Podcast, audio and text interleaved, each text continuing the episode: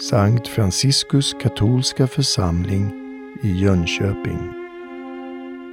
Vissa människors liv är märkligare än andras. Och I det här fallet kan man verkligen säga så om den salige Carlo Acutis som vi firar idag. Det är exakt ett år sedan han saligförklarades i Assisi. Denne unge man som endast blev 15 år gammal. Han föddes i London och eh, snart så flyttade de tillbaka, det var italienska föräldrar, flyttade tillbaka till Italien. Och eh, ganska så tidigt så förstod eh, mamman särskilt att det var något särskilt med det här barnet, för han började fråga om Gud.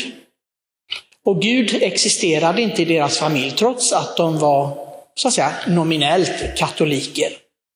Mamman berättade senare att hon bara hade i vuxen ålder gått till kyrkan tre gånger. Första kommunionen, konfirmationen och vigseln, hennes bröllop. Det kan väl inte riktigt vara sant eftersom man inte fick bli konfirmerad i Italien om man inte visade sin kyrka, men hon påstod detta i alla fall. Det skulle vara sonen Carlo genom sitt tjat om Gud, att han ville veta mer, som gjorde att hon var tvungen att förbereda sig, att läsa katekesen, att, att följa med till kyrkan, för han vill gå i kyrkan.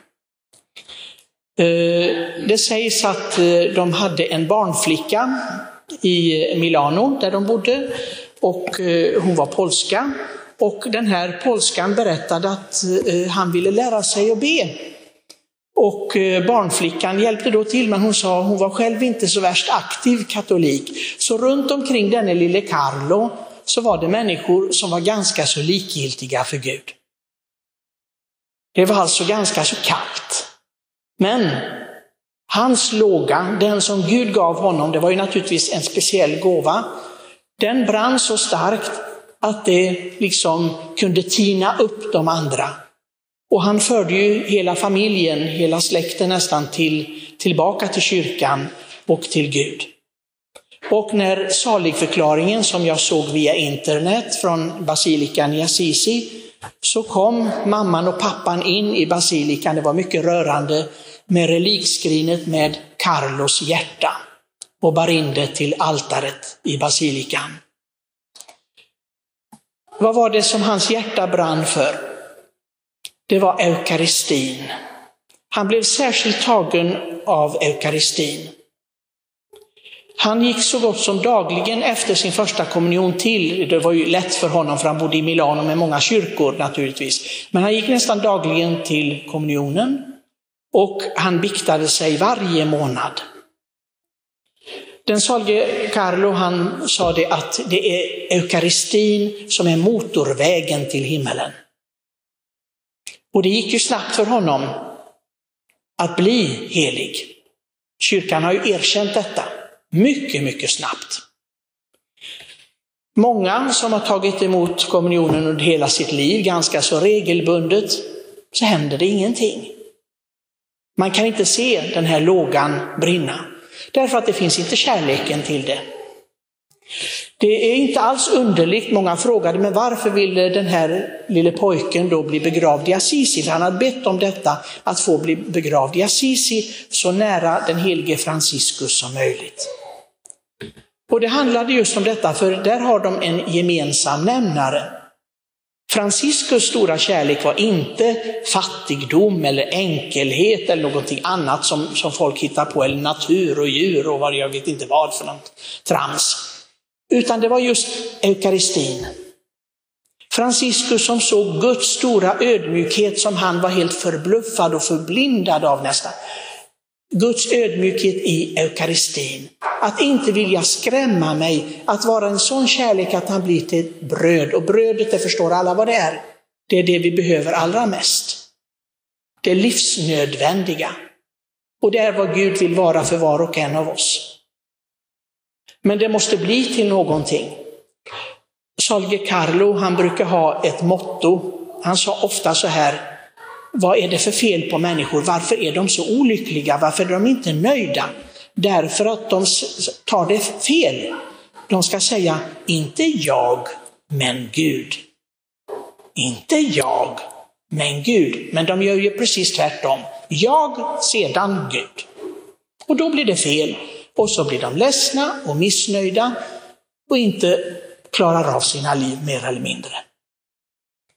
Den här unge pojken alltså, för det är ju en ung pojke, tonåring för, som klarar av detta, att ta till sig Gud på det viset, evangeliet på det viset, att han kan leva det till fullo. Till och med när han drabbas av blodcancer. Och han säger så, han har lärt sig av kyrkan att det här ska jag bära fram som ett offer. Jag är med med Kristus och bär fram det lidandet. Hans mamma och de då var förskräckta, de tänkte det här kommer bli en fin präst. Men det blev det inte. Han fick bli präst genom dopet på ett annat sätt. Att lära andra och alla ungdomar som, som han kände och så, att offra sitt liv så som Gud ville, inte så som vi tänker.